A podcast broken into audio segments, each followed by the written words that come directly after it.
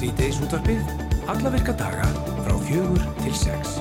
Og það eru Rafnildur Haldóstóttir og Guðrún Dís Emilstóttir sem að stýra þetta í dagsins. Endometriósa eða legslímflakk er alvarlegu sjúkdómur sem að veldu verkjum, ófrjósemi og skerði lífsgæði. Vitundavakningum sjúkdómin hefur aukist ekki síst vegna vandarar fræðslu á vegum endosamtakana. Jón Ívar Einarsson Læknir framkvæmir aðgerðir við sjúkdómnum en þessar aðgerðir hafa auki lífsgæði hundruðu kvenna á örugan og hagkvæman hátt. Og Jón Ívar ætlar að koma til okkur eftir og segja okkur betur frá. Farþegar strætó sem ekki greiða rétt fargjald geta átt von á sektum frá með næstu mánaðamótum og við heyrum í Jóhannes Svavar Rúnasinni, Frankandastjóra strætó og spyrjum hann út í þetta og samt ímsu öðrum breytingum sem að verða hjá strætó á næstunni. Kristín Linda Jónsdóttir Sálfræðingur er einn íbúa Grindavíku sem þurft að rýma heimilisitt hann 10. november síðastliðin líkt og aðrir íbúar bæjarins. Kristín hefur verið dugleg að deila upplifunum sínum á samfélagsmiðlum, reyna að gefa okkur hinnum aðeins í hugalund hvað fólk er að glýma við í svona aðstæðum. Hún ætlar að koma til okkar eftir um Kristín og segja okkur betur frá þessu öllu saman. Eitthvað hefur verið um það undarfarið að uh, fólk gerir sér ferði enduvilstöða sorpu til þess að uh, taka hluti úr gámum og uh, hafa þessar uppákumur stundum endað með átökum og þannig að það þurfa að kalla til lögreglu.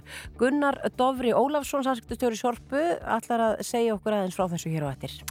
Og mitt í jólastressinu þá ætla Jónas Sig og Laura Rúnas að bjóða upp á satsang og söng í Móum, stú, Móum stúdjó í kvöld en satsang þýðir samkoma sannleikans. Orðið satsang er dreyið af sanskrít þar sem að satt þýðir hinleiki eða sannleikur og sanga þýðir í hópi eða félagi. Og megin tilgangur er að hver geti spekla sig í sannleika þess sem tala frá hjartunu. Já, við ætlum að fræðastu þetta og læra, ræða við Láru um andlega yfkun og nöðsin hennar. Verkfall flugumfrastjóra skall á klukkan fjögur í nótt og stóð til klukkan tíu í morgun. Verkfallið hafði verulega áhrif á starfsemi flugfélagana sem að fljúa til og frá landinu en eh, meðan á vinnu stöðunni stóð stöðvaðist allt flug á áðurnendu tíma undarskildu sjúkraflugi og flugi á vegu landekskeslunar. Og engin niðurstaða náðist á fundi félags flugumfrastjóra og samtaka atvinnlýfsins í gær og uh, var honum frestaði gerkveldi og hófist viðræður á ný hjá Ríkisáta semjara núna klukkan uh, þrjú í dag. Og náist ekki samningar þá stefnir uh, eða stefna flugum fyrir að stjóra á það að stöðva afturvinnu á fymtudag og svo tvísvar í næstu viku. Og á línunni hjá okkur er Birgir Jónsson, forstjóri play, kontur sett og blessaði Birgir. Góðan daginn. Já, þetta er öruglega búið að hafa já, miklar afleðingar fyrir ykkur í dag Já, þetta er, er orðið nokkur röskun á okkar starfsemi og, og ferða svona plönum okkur farsæðar sem eru þetta að vesta í þessu. Þannig að, þannig að já, við erum ekki sérstaklega glöð með daginn í dag. Nei, þið flýttuð líkt og Æslandi er bara, senkuð öllu flugi eftir klukkan tíu dag. Er það bara, það hefur alltaf gert bara með eh, annari hendi eða hvað? Nei, þetta er auðvitað, bæðið því flugfélagi er, er með svona svipa kerfi, við erum að koma frá bandaríkjónum eh, yfir nóttina og svo förum við til Európa á mótnana og, og það, þannig, að, þannig að það er ekkit, þetta er ákvarðanir sem voru teknar í, hvað seint í gæri eða semst um kvöldmundaleiti í gæri þegar leiti út til að mynda ekki nást saman. Þannig að þetta er auðvitað bara svona keðja sem kemur högg á og það eru, eins og sé, þetta eru þúsundi farþegar bara í okkur sem er að verða fyrir alls konar röskunum og, og bara skada líka kostnaði því að fólk eru auðvitað með Eh, auka tengifluð áfram og alls konar hluti sem þau eru að fara að gera og, og, hérna, og er kannski ekki endilega hægt að fá endurgreitt að breyta og, hérna, og laga sko. þannig, að, þannig að þetta er bara alveg mál sko. Já. Er allt uh, þitt fólk þá að vinna hörðum handum á því að uh, skipilegja hvernig 50 dagurinn lítur út ef að, það verður ekki búið að semja? Já, það, það eru allir bara á fullu í því og, og hérna reyna að gefa farþjóðum auðvitað upplýsingar og alls konar kosti á á að breyta sínum far, eh, ferðum og skiptum daga og, og eða í tilfellum fá endurgreit sem eru auðvitað bara mikið, mikið skadi fyrir okkur. Og þannig að það eru, það er svona, já það er að reyna að sjá til þess að allir komist leiða sinnar því að þetta eru auðvitað skemmtilegu tími ásins, þetta eru fólk sem eru að fara í jólafríi, þetta eru námsmenn sem eru að koma heim eftir, eftir langa útiveru, það er svona stemming í, í loftinu og þetta er alveg bara rosalega þúst að lendi þessu sko. Já, uh, við ætlum nú ekki að byrja þig að blanda þér í þessa, uh, þessa uh, samninga viðræður en, en svona hvað tilfinningu hefur þú fyrir því að, að bara máli leysist á bara næstu klukkutímum? Ég þekki nú ekki máls aðtök en það sem mér finnst þetta ósengjandi í þessu er að, er að við setjum ekki við borðið.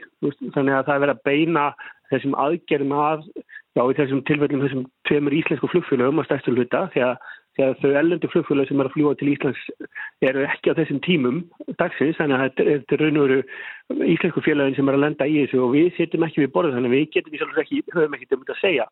Þannig að fólki sem er raun og veru mótaðilar flugumfærastjóra það er ekki verið eða þeirra fyrirtæki eða samtök er ekki verið fyrir nefnum skada sko. Þannig að, þannig að mér finnst þetta bara mjög ósengjant og bara fyrðuleg stað að vera í að, hérna, að lenda í, í, í þessum aðgerðum en, en hafa bara ekkert um málið að segja sko. En ég auðvitað sjálfsögur vona að, að um semjist og, og hérna, hef auðvitað bara verðingu fyrir því að, að fólk sé að semjum sín kjör og allt það en, en þetta, þetta er samt eitthvað mjög skrítið að svona fámennur hópur af fólki og, og einn stjætt getur bara, getur bara haft þessi gríðalegu áhrif á auðvitað alla þess að farsega uh, og síðan bara ferða þjónustuna því að við heldur ekki gleyma því að við erum að koma gríðalega vikam tíma núna eftir jarðhæðingarnir í Reykjaneska sem að höfðu bara mjög mikil áhrif á bara Íslandsin ferðamannasta og bókunastöðu og við meðum bara ekki við þessu sko. Nei. Finnir þið fyrir því að þetta sé að hafa áhrif á bókunastöðuna bara núna? Fólk sé að breyta plönu sínum í næstu viku jafnvel þótt að sé ekkert komið í ljós hvort að verði búið að semja eða ekki? Um, já, við erum svona ílega að láta svona hvern dag líða og raun og veru bara að vona að þetta semjist en, en ef maður horfir á þetta í stóru myndinu og þá Ísland sem ferðamannaland og, og þá kannski líka tengiland þegar, þegar við erum auðvitað að tengja bandarækjum í Evropu, við megum bara ekki við því að orðspori laskist meira og, og þú veist það er Við erum, við erum núna með nýkomin út af þessum jarðhæringum og þá er mjög fyrðulega frettir af því sem bárust um heimsbyðina þannig að Íslandi sjálfur sér var málað eins og það var eitthvað neyðast í öllu landinu og, og ef við erum allt, allt aftur farin að vera svona ótraustur kostur í, í tengiflugi þá er það auðvitað bara mjög, mjög slangt mál. Já, ertu ekki þekktu fyrir það Birgir að vera bjart síðan að eðlisfæri?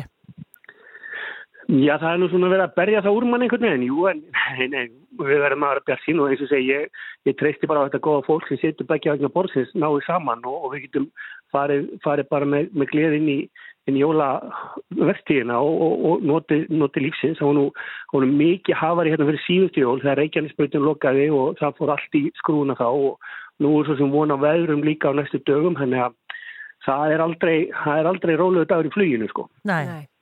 Birgir Jónsson, fórstjóri plei, við vonum að þetta endi og leysist allt saman farsælega og bara gangi ykkur vel. Takk fyrir það. Já, bless, bless.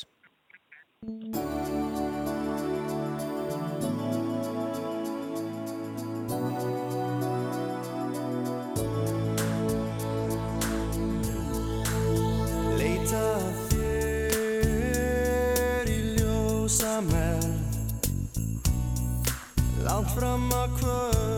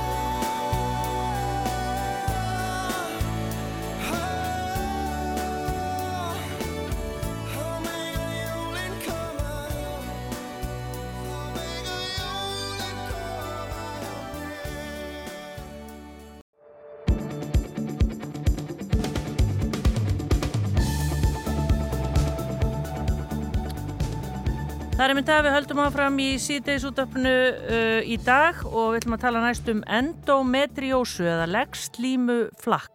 Þetta er sem sagt alvarlegu sjúkdómur sem að veldur verkjum, ófrjósemi og skerðir lífskeiði. Og það hefur orðið vitundavakning um sjúkdóminn, uh, ekki síst vegna vandarar fræðslu og vegum endosamtakana. Hann er komin ykkar Jón Ívar Einarsson Lækni sem að framkvæmir aðgerðir við endometriósu og þessar aðgerðir hafa aukið lífskeiði hundru hvenna og örugan og hagkvæman hátt. Velkomin Jón. Takk. Það er ekkit mörg ár síðan að, að, að það voru svona einhverjar hugrakkar konur sem að stegu fram í fjölmiðlum og töluðu með menna sjúkdóm en einhvern veginn vissi engin neitt. Það er margt breyst síðan þá. Já, sem betur fer. Það hefur breyst mjög mikið, uh, mikil umræða verið um, um sjúkdóminn og hérna, þannig að fólk er meira, veit meira af uh, að hverja það er að leita í rauninni. Bæði konunnar sjálfar og líka læknar sem að er að sjá um þar. Þannig að ég held að hlutnir hafi breyst mikið til batnar en kannski ekki alveg eins gott og það getur verið. Þannig að það er svona fannst mikið vett að, að, halda umræðina áfram. Já, en bara svona að því ég nefndi hann upp af þetta eru þetta alvarlegu sjúkdómur og, og veldur alls konar kvillum, en, en hvað er þetta?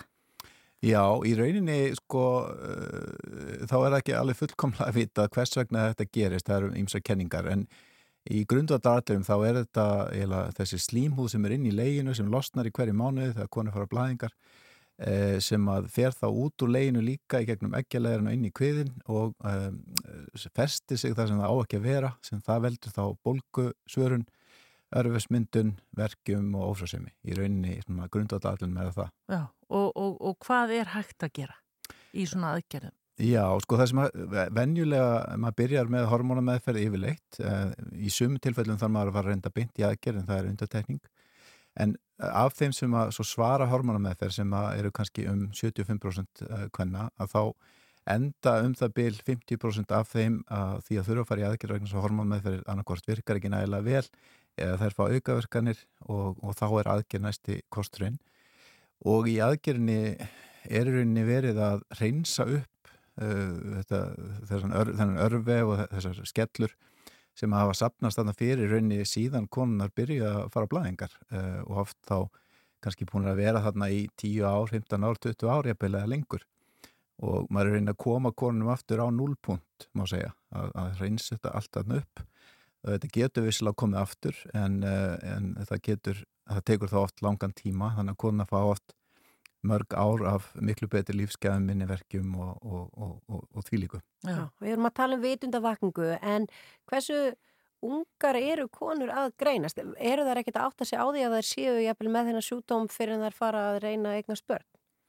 Einmitt, vandamáli er náttúrulega uh, hefur verið að, greiningin uh, svona hinga til hefur verið þannig að þú þurft að fara í aðgjör í svæfingu þar sem er farið inn í hverjum myndavel til, a, til að greina sjúkdóminn nýjustu staðlar hveð á um það að þú getur uh, í rauninni greint sjúkdóminn án þess uh, bara með því að hlusta á korna, taka sögu og, og, hérna, og byrja meðanlega með hormonmeðferð í rauninni án þess að þurfa að fara beint í aðgerð. Þannig að það er svona standardin í dag.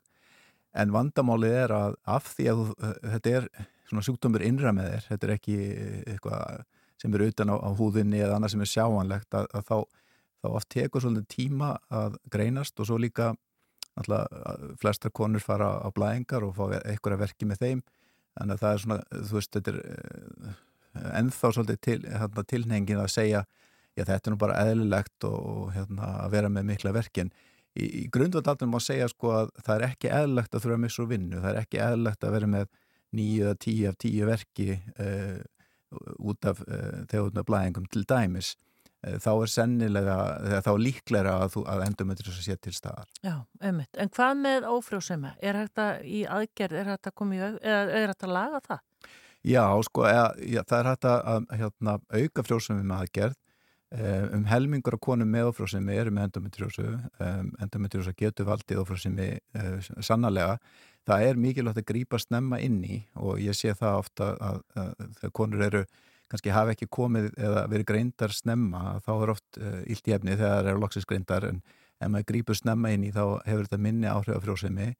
En með því að fjallæga endometriósuna að þá eigum maður frjósemina uh, tölvert en stundum er, er þetta komið of langt í rauninni eða, hefur skemmt eh, of mikið og þá þurfum við stundum að fara í glasafrjókun til dæmis. Já, þú uh, framkvæmir aðgerðir hjá klínikinni en það er líka verið að gera slíkar aðgerðir á landsbytalan. Já, Og hvernig er það ef ég til dæmis er eina þessum konum, hef ég þá bara valið eða hver, hver er munurinn?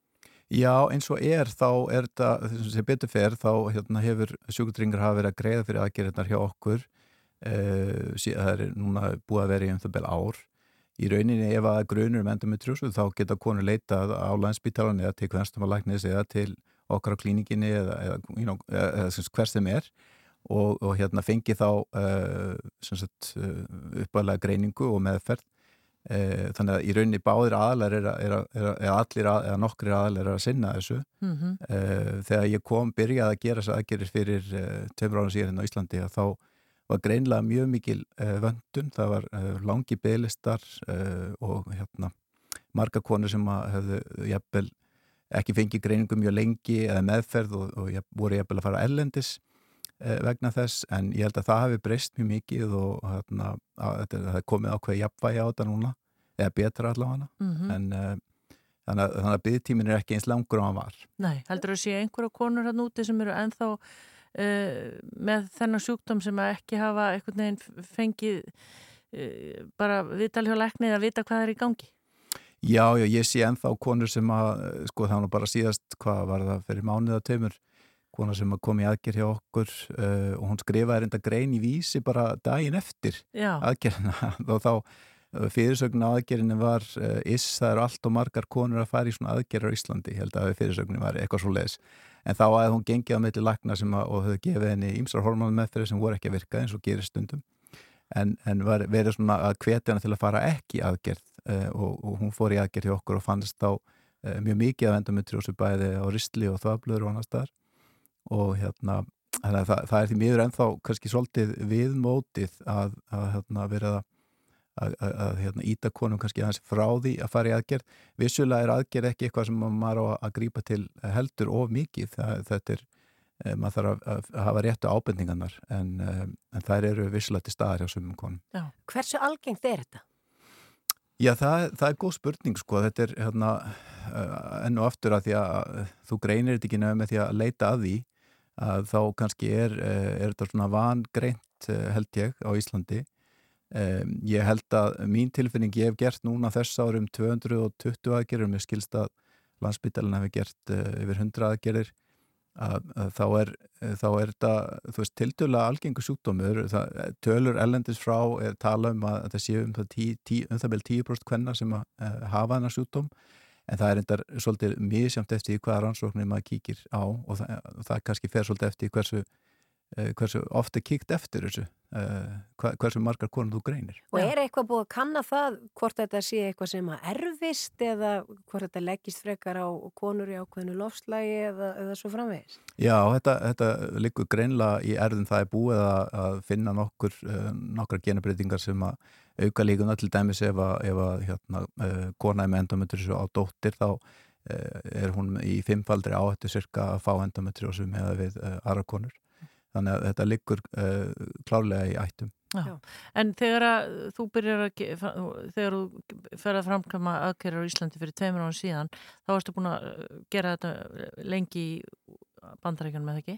Jú, ég, ég er búin að stjórna uh, deild sem er sérhæfð í þessu í, í, á einu stærsta háskólasugurars í bandaríkjörnum uh, síðustu 17 ár. En af hverju var ekkit farið að gera fyrir, bara fyrir svona stutt á Íslandi? Jú, það var verið að gera þetta á Íslandi á landsbytalanum en uh, sko það hefði bara ekki, þau hefði ekki náða að halda nægilega við lautanum þetta, þau hefði ekki náða að, að, að, að, bara anna eftir spurn myndi ég að segja uh, það var, uh, þau áttu þau hafi ekki bara verið að gera nóg margar aðgerð til að, að, að, að sinna þessum konum, það, Nei. það er hinnlega kannski svarið.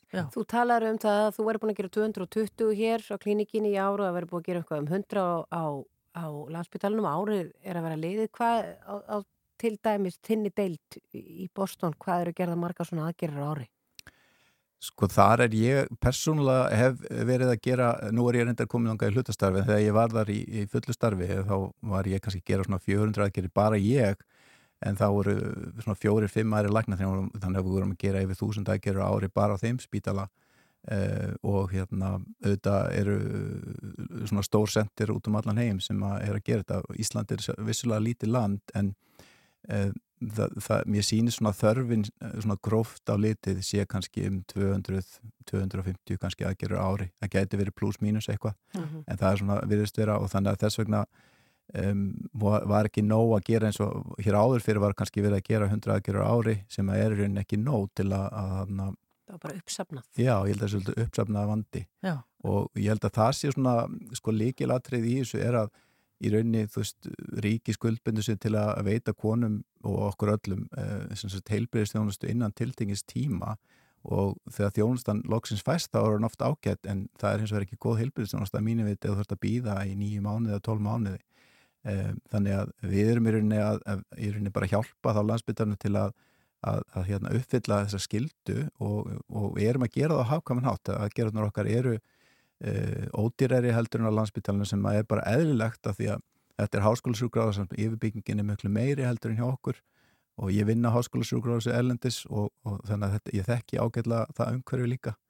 E, þannig að þessi kerfi eiga náttúrulega bara að vinna saman að mínu viti og það er þá aðalatrið með það leðaljósi að, að, að hérna, veita, veita fólki skjóta og öruga og góða þjónustu já, þannig að heilbriðisandi og sjúkratryggingar, það er skilningur á þessu hér á landi. Já, ég myndi segja, sko, Willum uh, hefur verið mjög uh, hérna, hann hefur stuðið okkur hérna, staðið sér mjög vel í þessu og, um, og líka og sjúkutryggingar og svo endursamtöngin náttúrulega hafa verið uh, virkilega hjálplega að, að, hérna, að að þrýsta á að halda þessu svona á lofti, það, það hefur þurft og ég held að það hafi verið mjög mikilvægt í þessu en ég held að Viljum sé mjög svona praktísku maður og, og hann, hann sér þetta bara eftir ákveðin vandi sem þarf að leysa og hann gerir það bara, held ég, hefur gert það mjög vel.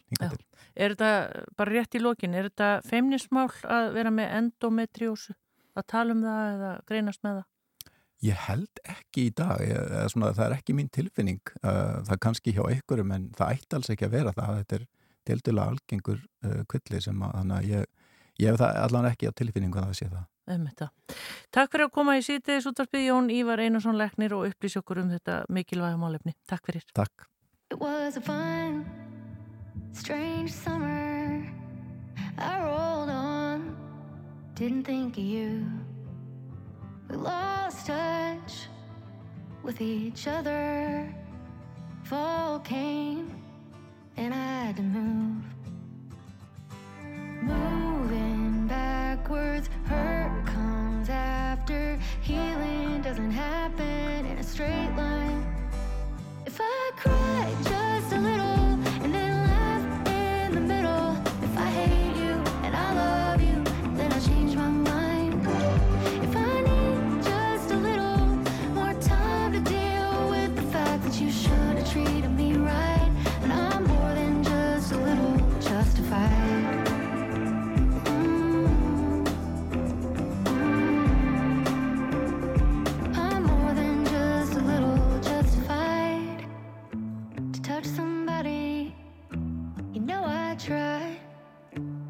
make that you. When you lied, said you didn't want me. Tell me what was I supposed to do?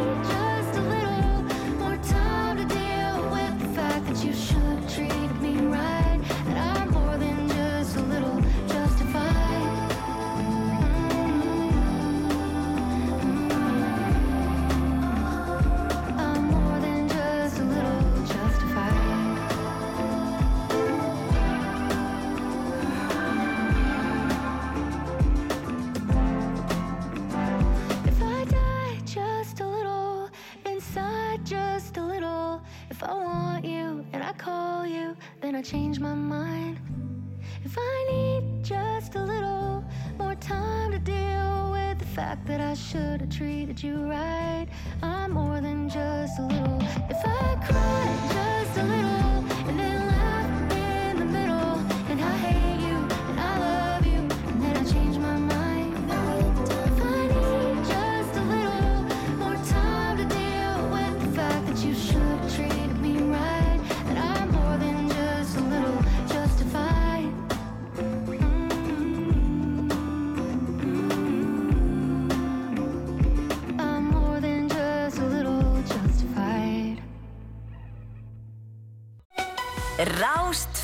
Fyrst og fremst í 40 ár.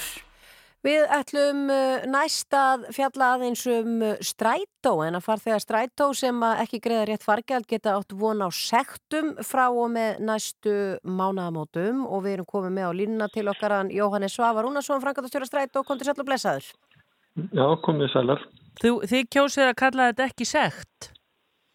Nei, sko, það er vist bara lögurlega sem að hefur heimil til þess að sekta fólk, að við kallum þetta fargjalda álag. Já, það er hljóma náttúrulega Og- miklu. Ég var, ég var hérna, ég letti, ég letti í fargjalda álægi í strætó, segi ég. Já, Já, En, ég, en Jóhannes, maður hefur förðað sig á því hinga til að það skuli ekki hafa verið svona fargjalda álaga því að ef maður til dæmis smiklar sér í metróin í Kaupmannahöfn og er svo tekinn þegar maður er að stökk út úr lestinni eða í lestinni, þá er það svakalig sekt. Já, það er rétt. Við höfum svo sem lengi talað um að fá þessa heimild, eh, bara svona til þess að hafa hana og hérna kannski einmitt komið vekk fyrir það að fólk reyni að sleppa því að borga. Eh, Það hefur svona gengið bara hægt og rólega að koma því í gegnum stjórnvöld, en við fengum þetta núna á þessu ári og, og hérna og fögnum því bara, en þú veist, þetta er ekkert eitthvað sem við erum að fara að leggja ofur að hásla á, við vitum það að allir sem nota almenn samgöngur Ísland eru mjög heiðarlega, þannig að við erum vonaði að hann þurfa að nota þetta bara í undir tekningatilfellum. já, en er þá verður þá bara Jóns Bæjó í einum og einum vagni bara svona? Og Við enginnis höfum klættur, eða hvernig gerir þetta? Já, nei, nei, við höfum haft sko um, í nokkura svona eftirlismenn sem að svona aðtúa hvort að þú hefði greitt fargjaldi rétt og, og hafa svo sem ekki heimil til annars en að byggja með greiða rétt að fargjald ef, að- ef, að- ef að svo hefur ekki verið. Þannig að það er svo sem engin breyting af því. Það, þetta verði áfram bara sömu eftirlisaðilar og við höfum verið með. Við höfum verið með svona bílni 24 í þessu í gegnum árin og, og við verðum áfram þannig en svo sjáum bara til hvernig gengur hvort að við fækkum eða, eða fjölgum. Já. Verður þetta fargjalda álag, verður þetta hátt? Þetta er bara sambarlegt og þú varst að nefna hana í Kaupmannahöfn. Eh, Þetta er svona um 15.000 krónur fyrir þá sem eru fullborgandi Mm og síðan er það ódýra fyrir þá sem borga minna fargjald og, og við sem sagt, leggjum þetta álag ekki á, á börn. Nei. Nei. En ég verða að spyrja það einu, Jóhannes, af því ég nú tók í strætó um helgina og uh, þá komu, var stoppað á strætóstöð, bara eins og gengur að gerist og það komu þarna tveir úlingsdrengir inn í strætóin og uh, þeir voru spurður um aldur. Þeir sögðust að sjálfsögðu ekki verið 8-12 ára uh, til þess að þurfi ekki að greiða. Hvernig, og strætóbílstjórn ákvað bara trúa þeim en benti þeim á að það yrði nú bráðum sekt ef að menn var ekki heiðarlegir. Hvernig gangi þið úr skuggum þar hversu gömul börn eða úlingar eru sem að ganga kannski ekki með einhver skilriki á sér alltaf Sko, við náttúrulega að segja, við munum ekki, ekki sem sagt, leggja þetta álega þá sem eru yngri, eða 15 ára yngri sem að telja svona hvað sakafisaldurinn. Um, það er þetta sem við nefnum til þessum 11 ára aldurinn, þetta er bara kannski svona eitt okkar stærsta verkefni og vakstjórana að, að svona reyna að meta það því þetta er svona óræður aldur getur við sagt sko. mm -hmm. Þannig að við höfum verið að veltaði fyrir okkur sko hvort við eigum að gefa út kort sem allir verða að nota og þá þau sem er ekki borga fá það bara ríkjabis og þetta er bara svona eitthvað af þessum verkefni sem við erum að skoða. Þetta er náttúrulega heilmikið verkefni að koma svo liðs að kopið því. Þetta eru mörg þúsund börn sem eru ung, yngri en, en, en 11 ára og er að nota, 11 ára yngri og er að nota almennsangöngur. Þannig að við erum svona að veltaði fyrir okkur hvernig við getum gert, hvort við getum gert í samráð við skóla eða eitthvað aðra. Já. Þannig að það er bara eitt af þessum erum að skoða. Já, Jóhannes, eru ykkur fleiri svona nýjungar hjá okkur í strætó á næsta ári? Nei, ég er hættur að þóra að tala um greiðslukerfið sem að... Nei, nei. Jú, jú, við stefnum að núna er þá sem er að selja okkur greiðslukerfið. Nú er hann að senda okkur nýja skanna og í framhald af því er hægt að hefja prófanir á þessum snertileysu greiðslum sem, að- sem að allir er að kalla eftir Já. og hérna vonandi bara gengur þessi áallin þeirra upp og þá sjáum við þetta með fljótlega bara á næsta ári. Já. Kannski fyrsta ársjöringi. Þú ringir í okkur þegar það er komið. Já, já. Ég ger það, ég ger það. En nú-. Nú er búið að vera Jóhannes frábært veður upp á síkasti, er ekki fólk duglið þar út að strætó? Jú, okkur sýnist sko að þetta ár verða það svona stærsta í, í sögustrætó, það er að segja í fjöldi einstega. Ef að desember kemur ágætlega út þá hérna, verður þetta mesti fjöldi sem við hófum svona þessar rafrænu talningar. Já. Þannig að jú, það er svona, það er, er vöxtur, hægur vöxtur en það er, okkur finnst vera tækifæri líka, bara umræðan er þannig, umhverfismál og, og okkur langar auðvitað bara til þess að geta ekki tíðni og, og, og haft meiri áraðleika svona kannski á, á ferðartímanum og það er auðvitað verkefni bara sem við þurfum að vinna með, með sveitafélagunum og stjórnendum bara næstu árin. Já. Frábæra fréttir, við bara fögnum þessu og eins og þú segir, þú ringir þegar nýja greiðslukerfið er komið en allir hinn er í að borga og passa sig á vörðunum. Já, það er miklu betra að gera það svo lýst, Já. bara. Takk fyrir spjalli Jónes. Já, Bless, sem bless. Já, bless. Já, bless. Your mouth floats above my bed at night. My own, a private moon. Just because the mind can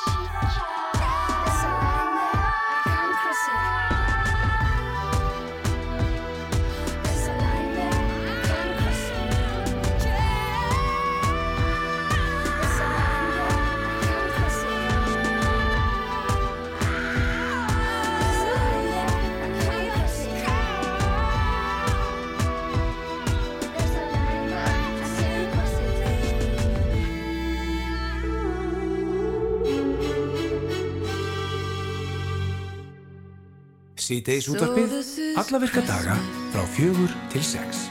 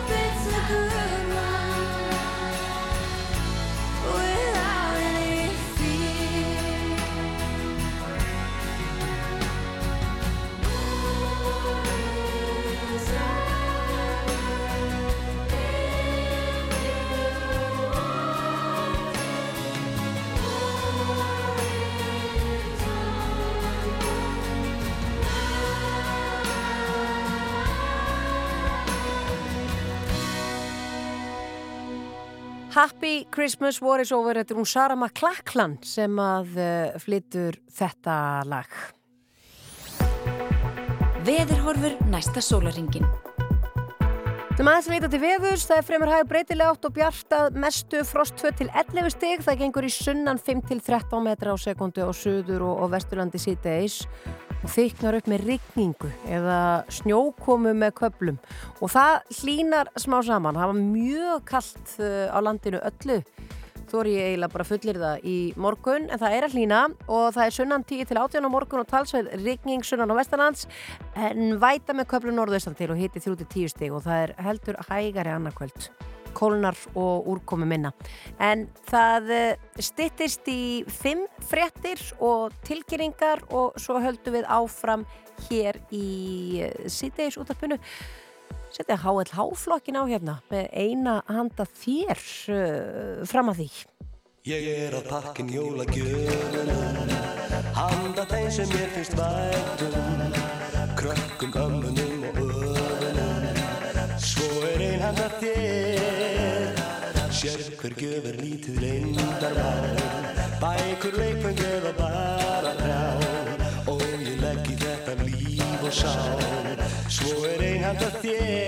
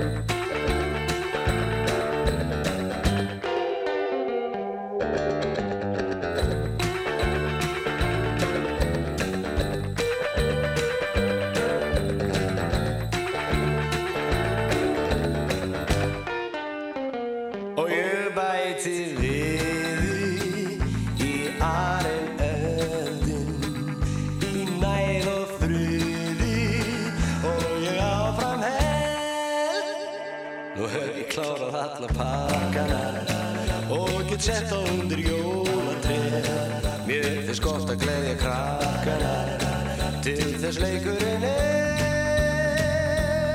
Síðan fer ég út í bæ með okkur pakka svo eitt handa þér. Þú ert að hlusta á síðdeis útvarpið. Á Rástvöð Málefni grindvikinga hafa náttúrulega verið mikið í umræðinu undanfarna daga og vikur. Ég held að þessi komin á fjórðu, fjóra vikur síðan að þessir stóru atbyrður gerðust þarna fyrir Reykjaneskaganum og uh, maður er svona að lesa þar sem fólk er að skrifa, vangaveltur og og ímislegt bara hvernig, hvað fólk er að glýma við sem að þarna býr og einn þeirra er Kristín Linda Jónsdóttir, sálfræðingur sem að ég les nú alltaf Kristín það sem að þú setur á fjersbókina og í dag eða ég verða í gær þá að, ert að deila síðu sem að sem sagt, manneskja önnur er að tala um bara hvað er hvaða verkefnin eru og hvaða fólk er að fara í gegnum. En þú ert líka að segja svolítið frá bara þinni reynslu, velkomin. Já, takk fyrir það Rafnildur Bara kannski áður en við byrjum á þessu af hverju fluttur þetta grindavíkur? Já, sko það var þannig, ég er nú þingaðingur í húðahár eins og ég segi og bjóð fyrir norðan til 50 og síðan bjóð ég hér á höfubarkarsvæðinni x ár og svo bara gerðist það að ég kynntist manni sem heitlaði mig fór skónum og það kom ég svolítið óvart kannski að hann var sjómaður úr Grindavík.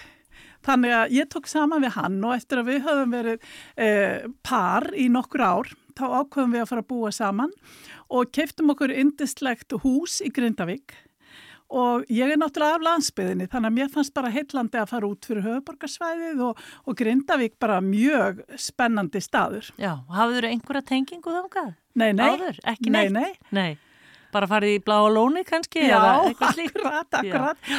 Já, og hvernig voru svona fyrstu vikurnar og mánuðinir og bara þessi tími? Já, ég naut þess náttúrulega mjög að hérna að vera komin á stað þar sem ég fann svo mikil þögn á kvöldin og lofti svo tært og reynd og bara hann sagði mér fyrirfram að það tækir mig sjö mínútur að fara í búðin og heima aftur ef mér vantaði skindilega kaffi og ég mældi það alveg, það var bara rétt. Já. Þannig að það var auðvitað í svona minna samfélagi eins og þessi byggðalögu eru mörg, þá er maður fljótur öllu og það einhvern veginn mér fannst vera svolítið allt til alls og, og bara mjög ánað með þetta. Já. Einmitt. Hvað erum við að tala um þá að þú hafi búið þarna langan tíma þanga til að jörð fyrir að hristast? Já, svona tvö ár. Já. Og hérna, og þarna núna í haust, þá var það þannig að svona viku áður en rýmingin varð, þarna rýmingin 10. november, Já. eins og ég segi stundum, Já. hér ætti verði líf mitt alltaf fyrir og eftir rýmingu. Já, einmitt. eins og sem ég segja fyrir og eftir árásin og tvíburaturnana. Já. En hérna, þá hérna, viku áður, þá voru búin að vera það miklu skjáltar að um, tvær, þrjá nættur í röð var bara alls ekki hægt að sofa. Þó maður veri alls ekki neitt hrættur í sjálfum sér, að því maður var það ekki þá, maður átti ekki vona á svona, en það var bara svo miklu skjáltar að, að maður fór vaknaði og svo var maður að reyna að sopna aftur og þá kom aftur svo miklu skjáltar. Þannig að þá flúði ég með ímislegt dót til sýsti minnar á höfuborgsveðinu, en svo var ég bara komin tilbaka og búin að taka allt upp úr töskunum. Já, einmitt. Hvað, hérna, má maður spyrja, hvaða dót tekum maður svona allra fyrst? Hvað tókstu með þér hérna í Já. fyrstu atrinu? Það kemur manni, mér finnst það hafa verið ákveðin sjálfsþekking fyrir mig sem er náttúrulega sálfræðingur að vera veltaði upp með fólki hvað er áriðandi fyrir mig og hvað ekki og Hrafnildur það segir kannski eitthvað um mig að ég var mest á hliðinni yfir því fyrst að ég var ekki með neinn föt. Já, einmitt. Þú veist, ég hérna bara er bara fullorðin kona sem að að hérna þó ég sé engin tísku skvísa þá finnst mér bara gott að eiga góð og notaleg fött og þægilega skó sem ég finnst helst líka svolítið smart. Þannig ég segi, hvað minn góður, all fötti mín að fara undir raun. Hvað á ég að gera? Þannig að þú tókst það, svona í Já. allra fyrstu atrinu. Já, sérst, fyrsta ferðin var að Jens, maður minn, mátti fara með björgunsveitinni og verið fimm mínútur og ég var alveg búin að segja við hann taktu það sem er á efri slánni í fataskapnum, taktu það bara trottu því í einmitt. hitt var að reyga sig og þrjár peysur.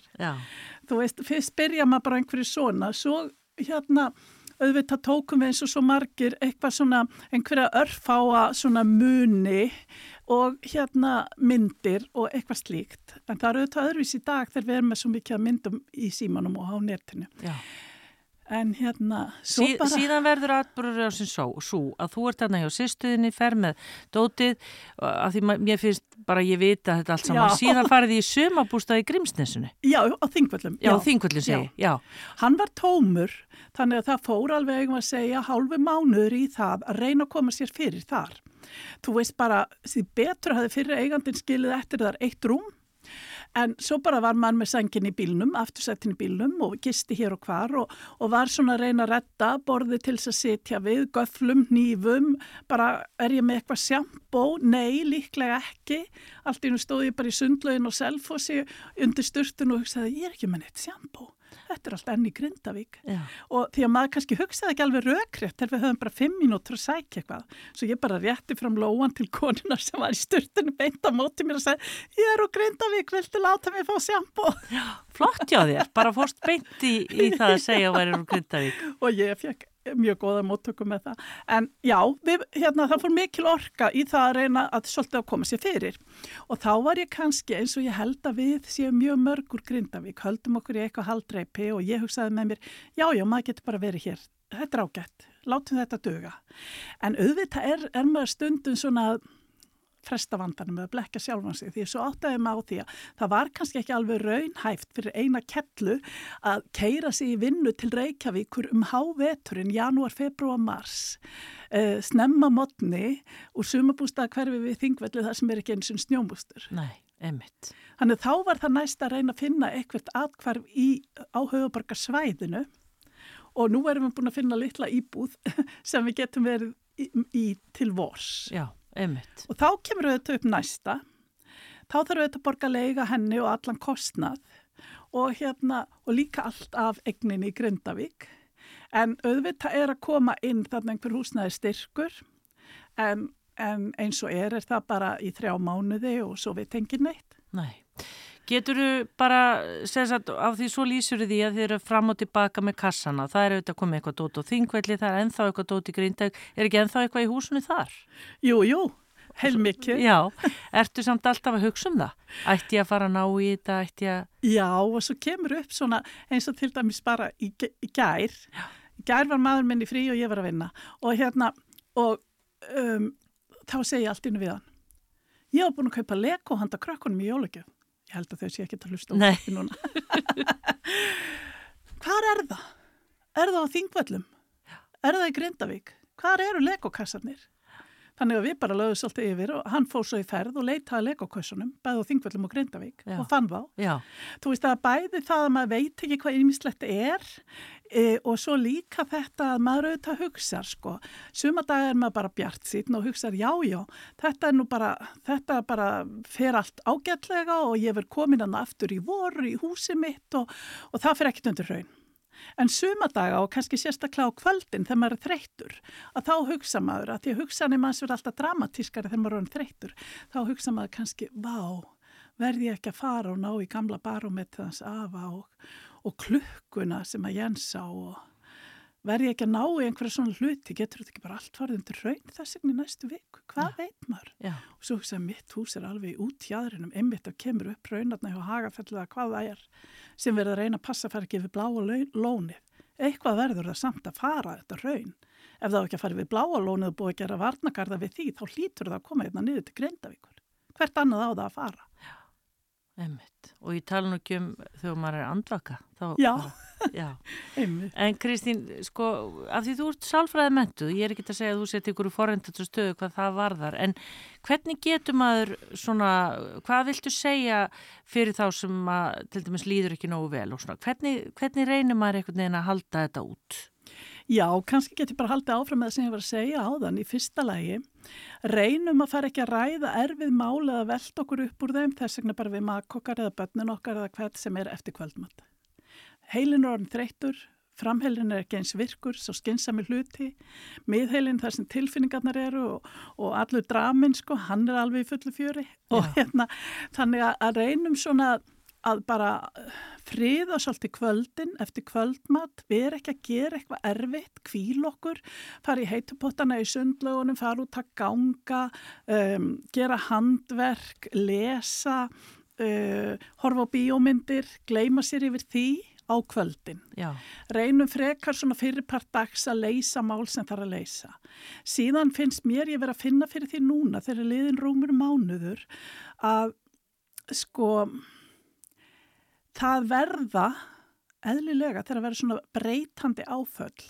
Það verða átöku fjölskyldum. Pör og hjón eru til dæmis ekkert sammál um hvað þau vilja gera. Um, Kanski vil annar aðilinn bara og tala sífælt um það að vilja fara sem fyrst í grindavíkur og það verður bara allt í lægi meðan hinn aðilinn er alveg með kökk í hálsinum og segir bara ég bara get ekki hugsað mér það, ég get ekki séð mikið til liði veldar, ekki bara næsta árið fyrir en ég veit að jörðin er búin að vera róleg allavega í ár ég bara get ekki hugsað mér það og svo bara, þú veist, hitti ég konu bara um helgina sem sagði sko, hún er með þrjú börn og hún sagði sko, dótti mín er komin í skóla í Keflavík, hún er rosalega ánæðar, hún er komin þar heim til af og ömmu, hún ætlar ekkert að koma til Grindavíkur, hún bara segir það. Já. Þú veist, það er svona, þannig að þetta verða líka áskoranir fyrir fjölskyldur, fyrir hjón, sambilsfólk og fjölskyldur. Já. Er óvissan, er það vest? Já, sko, en þá má kannski spurja sig, já, auðvitað, en, en svona hvaða óvisa? Og hún er auðvitað mjög marg þætt. Það er óvisa um fjárhærslega afkomi fólks. Uh, eðlilega hefur verið uh, mikið verið að velta fyrir sér aðstæðan þess fólks sem húsin eru ónýtt. Uh, hversu mikið fá þau greitt? Þurfa þau að byggja á sama stað? Þurfa þau ekki? Og mér finnst nú ef að fólk þarf að byggja á sama stað sem ég held að verði ekki, þá finnst mér það mikil aðfura frelsi fólks og bara að vafa samt að líðræðis þjóðfélag mun samþykja það. Já, einmitt. Mér finnst stór skrít ef aldingismenn eða einhver ráðandi öflum mun ekki stíga fram og segja við getum ekki þvingað fólk til búsettu í vissum sveitafélagum. Einmitt. Ég spurði út í óvissuna, hún er auðvitað vest uh, að einhverju leiti og svo er það reyðin. Já, og svona kannski þessi reyði yfir þurfti þetta endilega gerast, um, er virkilega búið að taka einhvern veginn frá mér fallega heimili mitt og samfélagið, þetta samfélag sem að uh, fólk sem býr í Grindavík hefur búið að lengi elskar, þú veist bara mjög upplugt kvennfélag, eh, hérna körfuboltinn, Lionsklúpurinn, allur þessi félagskapur og bara ein svona matverubúð þar sem fólk heilsast og, og þessi félagslega tengsl. Og fólk eru auðvitað svona miður sín svolítið yfir því, svo bara heyrði ég líka sko að um, hérna eldri borgararni, fólki sem var á elli heimilinu og það eru auðvitað, mörgum þeirra líður mjög illa, þau eru bara búið að finna einhver úrræði fyrir þetta fólk hér og hvar og það er búið að missa svona dalt í sitt örygg og tengsla net bara í hinu nágrunn sínum á elli heimilinu. Já. Þannig að þetta er alveg og svo náttúrulega líka vandar ennþá leikskóla úrræði þannig að þetta er alveg frá þeim yngstu til þeirra eldstu. En í óvissinu fælstu auðvitað líka þetta. Vá hvað veri indislegt að fara heim í fallega heimili mitt, ég hugsa þetta til dæmis, í fallega heimili mitt í vor. Vá hvað veri indislegt sko. Ó, þeirra kríjan eru að koma og allt sko. En munu það vera lífsgæði? Eða verður það þannig að maður bara hugsa alltaf, vá, nú er hvað næsta jarðskjálta hreina, hversu hörð verður þessi? Verður ég ekki að setja sengin út í bíl? Hvar ætla ég að gista núna? Ef að, já, þessi jarðskjálta hreina sem er kannski lókmægi eða, eða miðjan júni eða hvenar hún verður. Er, þá erum við ekki bara að tala um eins og sem ekki tala um bara raun og gós, heldur líka harðar jarðskjálta hreinur. Hvernig mun okkur líða þegar þær koma? Mm -hmm. Mm, bara rétt í lokin Kristi Linda Jónsdóttir, bara nú er jólin hérna á næstu dögum bara hvernig þetta verður þetta sérstöku jól fyrir ykkur öll sem að þurftu að fara úr bænum? Já, einmitt, það er alveg rétt og, og ég segja ganni að, að ég og, og minn maður, við erum bæði mikil jólabönn og eigum ótrúlega mikil fallegu jólaskrauti þegar við saminum um það, þá bara horfi ég á alla þessa dýrð. En núna er sko ekki búið að setja upp neitt jólaskraut, nú er bara tvö kerti, það verður ekkert jólatri. Uh, jú, við erum að kaupa jólagjafir til að gefa fólkin okkar, við erum ekki eins og búin að ákveða hver við verðum á aðfangtaskvöld, engstað verðum við, okkur býðst eitthvað, ég er ekki að meina það, en, en þetta er auðvitað bara, já, allt öðru vísi og, og, og svona maður svona upplifir svolítið þessa tilfinningu sem ég veit að sem sálfræðingur að fólku upplifir eftir missi. Allir hinnir eru að halda upp á aðvendun en hvar er ég? Já, þurfum við hinn að taka meira tillit eða finnst þér bara þjóðfélagið hafa staðið sem nokkuð vel? Ég myndi segja að, að það hafa ótrúlega margir einhvern veginn gefið sér fram og komið til hjálpar og sagt falleg orð en svo er ekkert nógu auðvitað þegar í hardbakkan slær að segja eitthvað svona einhverja frasi eins og við erum öll grindvikingar. Come on, við erum ekkert öll grindvikingar. Margir eru bara heima hjá sér að baka pipakökur. Við erum það ekki. Nei. Þannig að ég svona, mér finnst kannski að ymsi ráðamenn hefðu mátt svona og, og fólk sem að stíga hraðar og fastar fram þú veist, ég veit alveg allt eitthvað tíma en þetta eru sérstakar aðstæður og þetta eru um, eitthvað 12-1300 heimili og það hefða mínu mati til dæmis varðandi ymsa hluti sem að eru uh, svona verið að vinna í það hefði alveg mátt setja aukavaktir og þess vegna næturvaktir inn á einhverja stopnarnir til við fengjum hraðar svör og upplýsingar. Það hefði mátt miklu fyrir auglýsa eftir leigu íbúðum. Þú veist að stutt síðan að ríki gerði það til dæmis. Emmið það. Takk fyrir komuna í sítið sútarpið Kristín Linda Jónsdóttir íbúi í Grindavík og núna í Reykjavík og líka á Þingvöllum og vonandi aftur í Grindavík og bara Einmi. takk fyrir komuna og takk fyrir að gefa okkur svona smá insýnin í bara hugarástandið ykkar. Já. Takk fyrir komin. Takk. Og gleðileg jól. Gleðileg jól.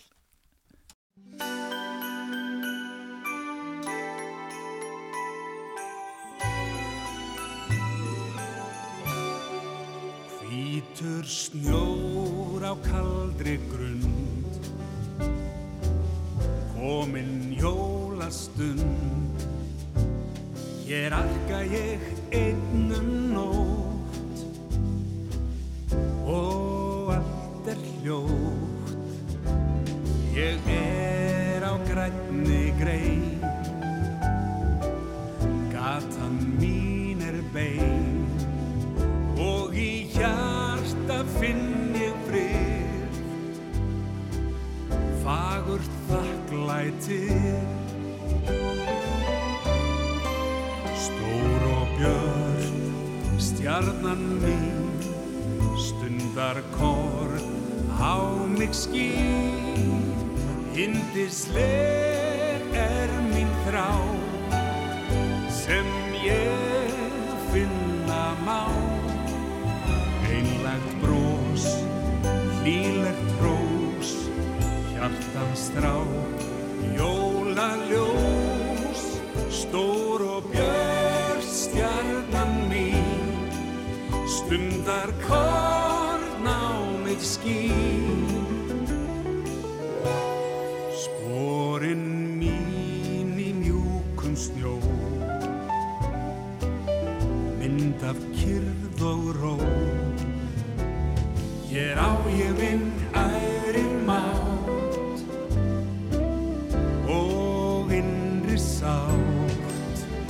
Ég er á grænni grein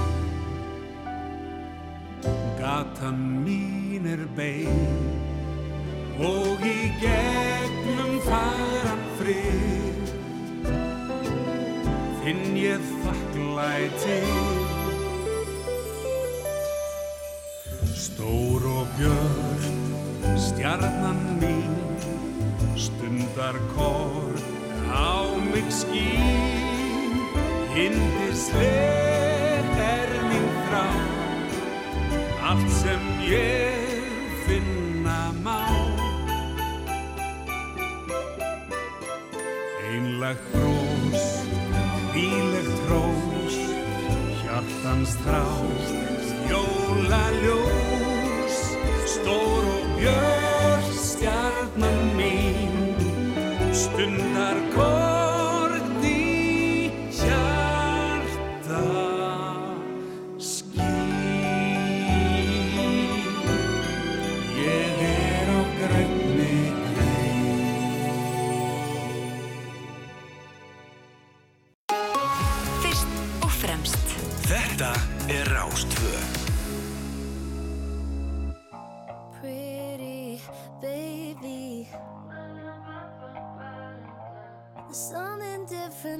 different your touch.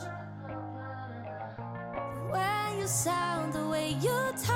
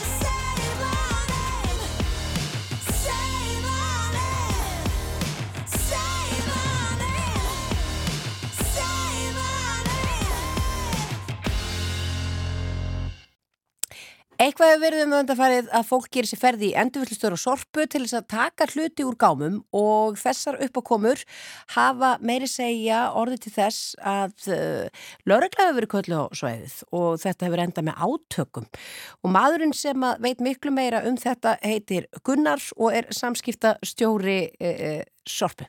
Hæ, Hvað er þá þarna í gangi? Er fólk að mæta á endurvillistöðar, sér opna gáma með einhverju dóti í og læðist þar inn og heldur að það megi bara taka allt sem það vill? Já, þú dregur þetta ágætlega saman. Sko, það er kannski rétt að halda því til haga að þetta eru, þetta er ekki, þetta eru er, við erum ekki hérna á hverjum degi að stoppa annarkvæð manni að taka sér einhverja hluti í gámunum okkar. Bæði bara fólk veit að það má ekki, það er, því, getur fyllt alls konar hætta og við höfum alveg hérna 1500 fermetra útsölustöð fyrir notaða hluti ef það vill í góða hyrðinum sem ég stend hérna núna beint fyrir ofan og hér er fólk velkomið bara alla virka dag og um helgar meiri segja líka þannig að fólk getur fengið hluti frá okkur keifta en já, það hefur borðið á því að, að, að óprúfnir aðilar hafa verið að fara í gáma og ekki bara gáma sem eru á, á vegum sorpu, heldur líka gáma sem eru á vegum grætna skáta. Það sem eru flöskur og dósir sem eru kannski eh, já, í þessu mestu fjárhagslegu verðmætti.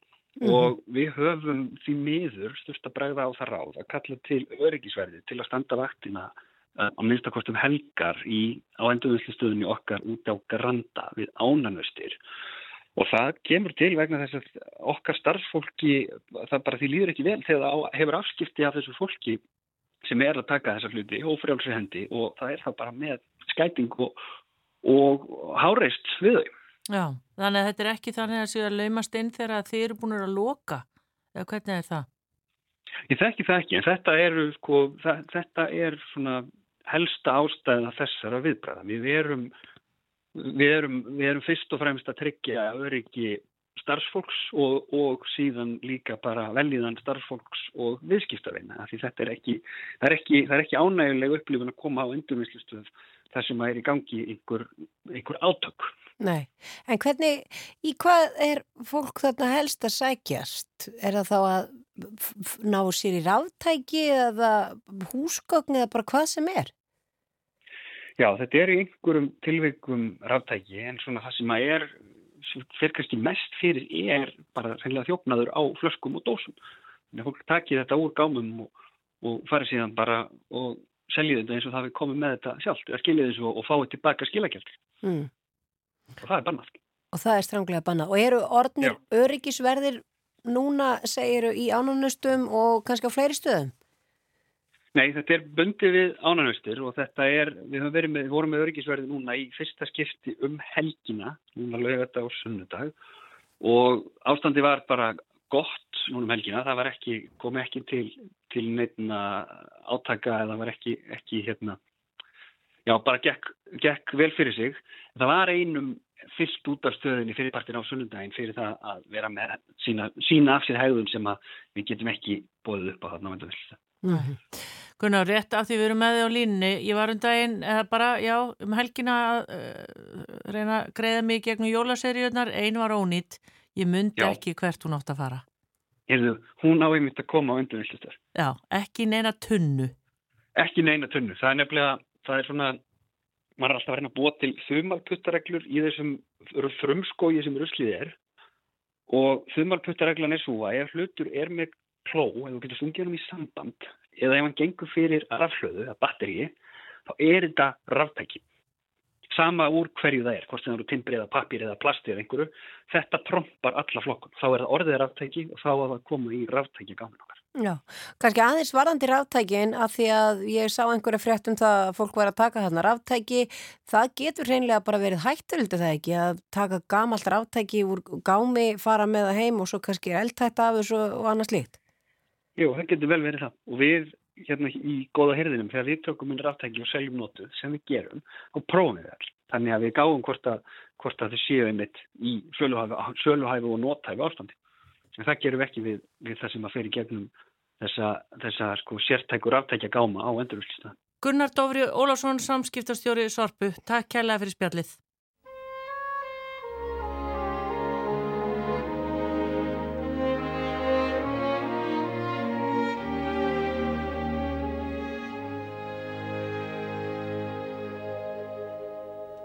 Á fyrsta sunnudegi aðvendunnar ég ek til kaupmannsins í einum rykk því þó að fjárhyslutnar gerist grunnar ég geri vel við mig í mat og drykk Ég kaupi sæta brauð og súkkulaði, súpur og ávexti og kjöt og smér.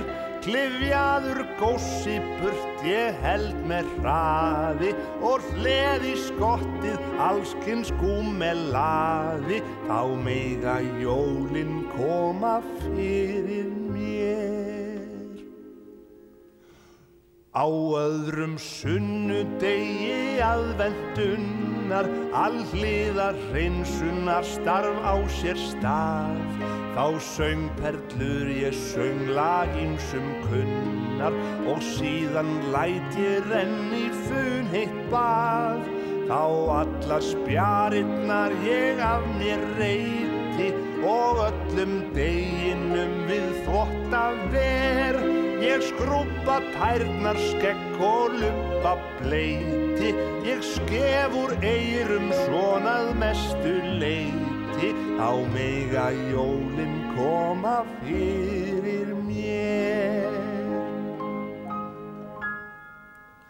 Á þriðja sunnudegi aðvendunnar andlegur hliðinni ég geri skil en til að virka skulu visku brunnar sko vera rakir eða þar um bíl það stóðar lít að sitja einn með ekka örlögum heimsins velta fyrir sér.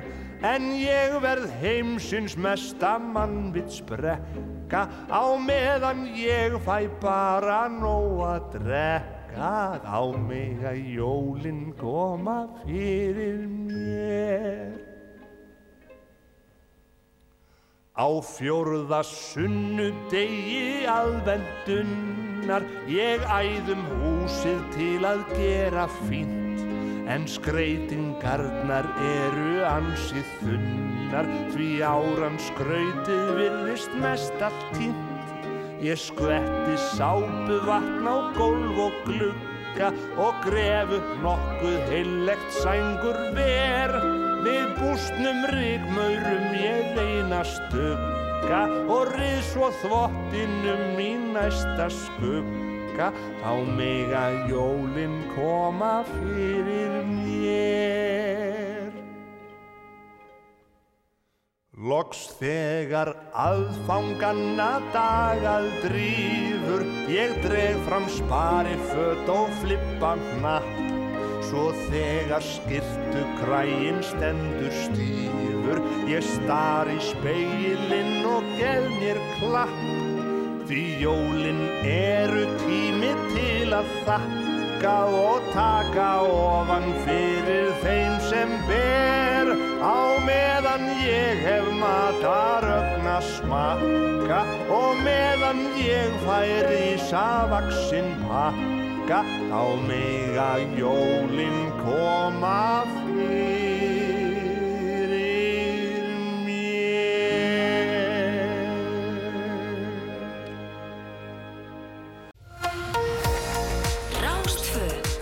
og fremst. Við erum Rástfö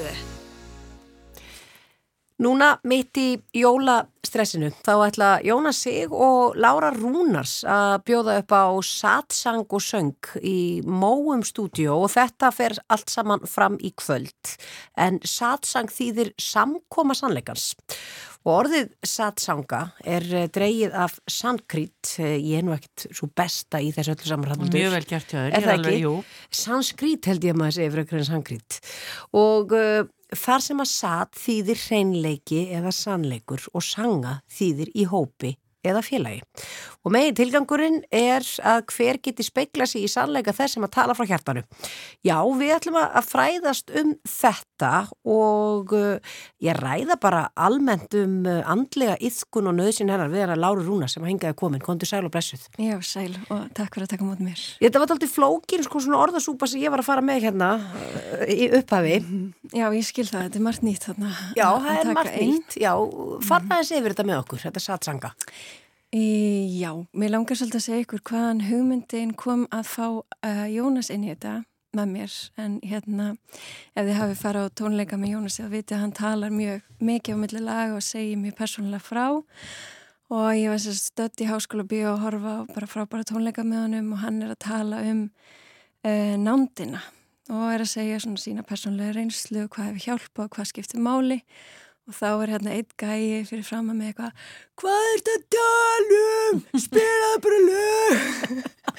og þá hugsaði ég, vá, ok, það geggjaf ef ég fengi bara Jónas inn í móa bara til þess að einmitt að tala og, og sko nota lögin til þess að styðja við sögurnar og textan og hérna og þetta að tala frá hjartan sem hann gerir svo ótrúlega vel. Já, hann gerir það nefnilega mjög fallega og hann er, myndi ég segja, svona af samtölum sem maður hefur átt við hann, töluvert andlega þengjandi.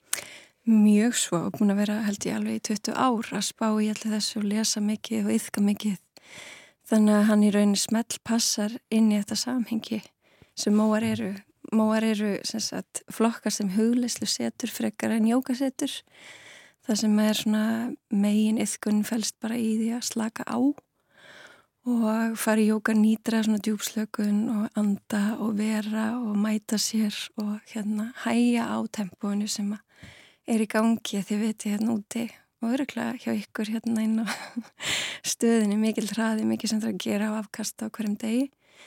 Þannig hérna, já það er það sem við gerum í móum, það er að aðeins að stoppa. Þannig að það er ekki tilviljun endilega að þetta sé sett á lakirna núna 12. desember Nei, við bara höldum ótröð áfram og þetta er held ég í sjötta eða sjönda sinn sem við gerum þetta. Mm. Þetta er búið að vera svona mánæðilegi viðbrið hjá okkur og alltaf verið rosalega vel tekið í þetta og það, það er líka í kvöld þannig að fólk er að mæta hérna í svona í desember og kannski finnur þörfina. Mm.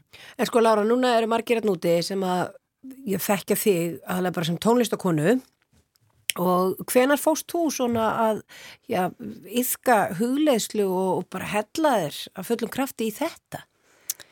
Um, það er svona kringu 2005, það er ansið langt síðan, um, bara svona svipan tíma og ég byrjuði tónlist, þannig að þetta hefur fléttast vel saman. Og ég er sem sagt fer í hérna jókakennaran 2013 held ég bara í svona kjölfari á bara upplifa mikið kvíða sjálf Þannig ég er einni leita bara í þetta til þess að hjálpa mér einhvern veginn að líða vel í einn skinni.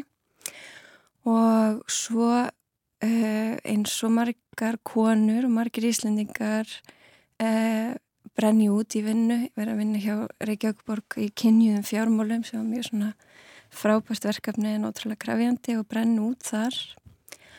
Og ákveð bara að að hérna alveg skiptum stefnu og þá opna ég mitt eigi fyrirtæki. Mm. Aðeins að þessu, að brenna út, hvernig mm er að tala um þannig að ganga vegg eða labba vegg eða hvað, hvernig, hvernig lýsir þetta sér?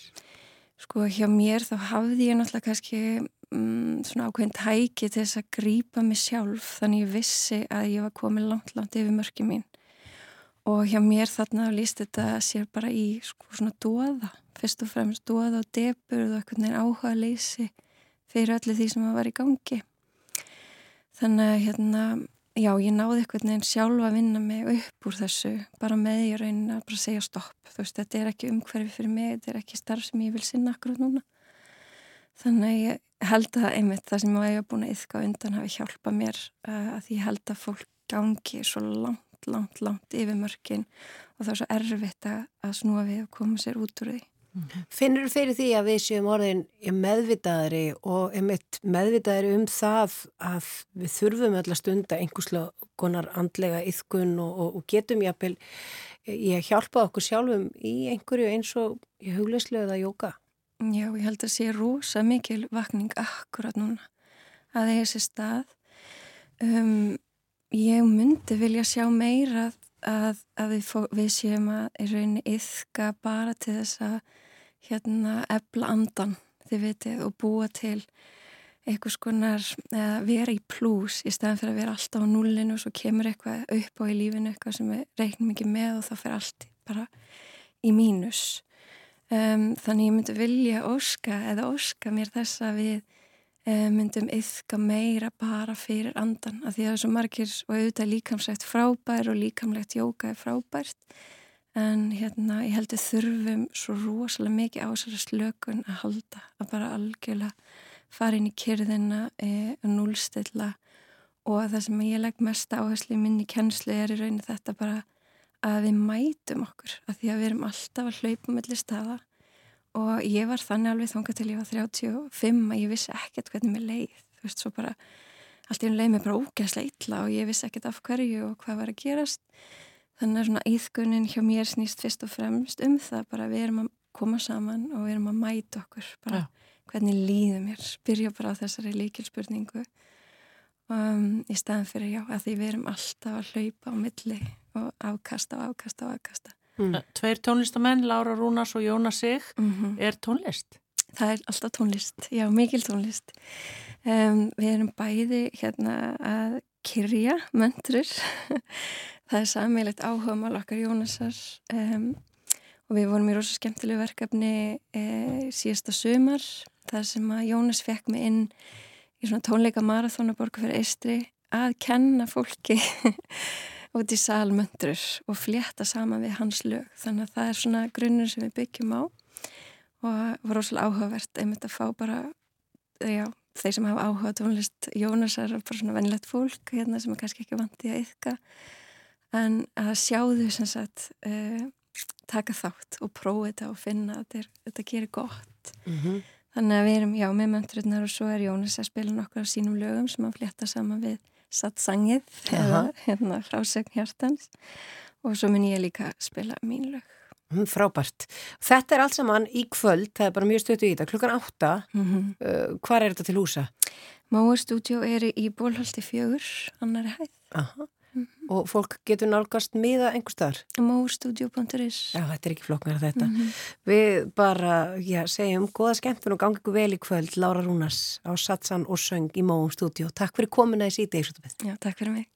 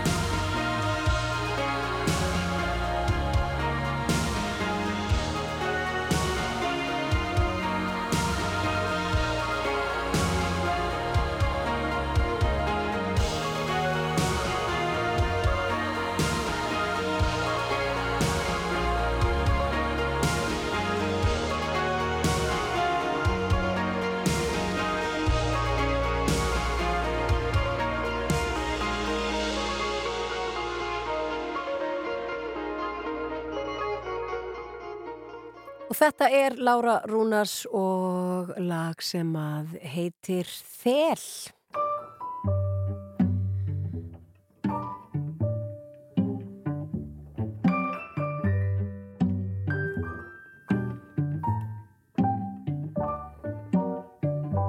Have yourself a merry little Christmas. Let your heart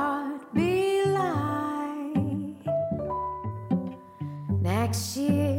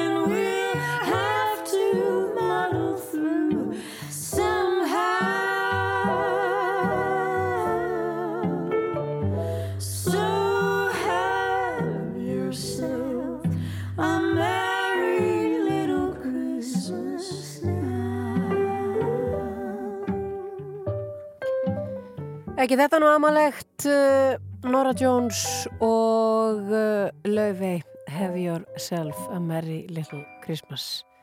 Frábær útgáfa af þessu lægi svo ekki sem meira sagt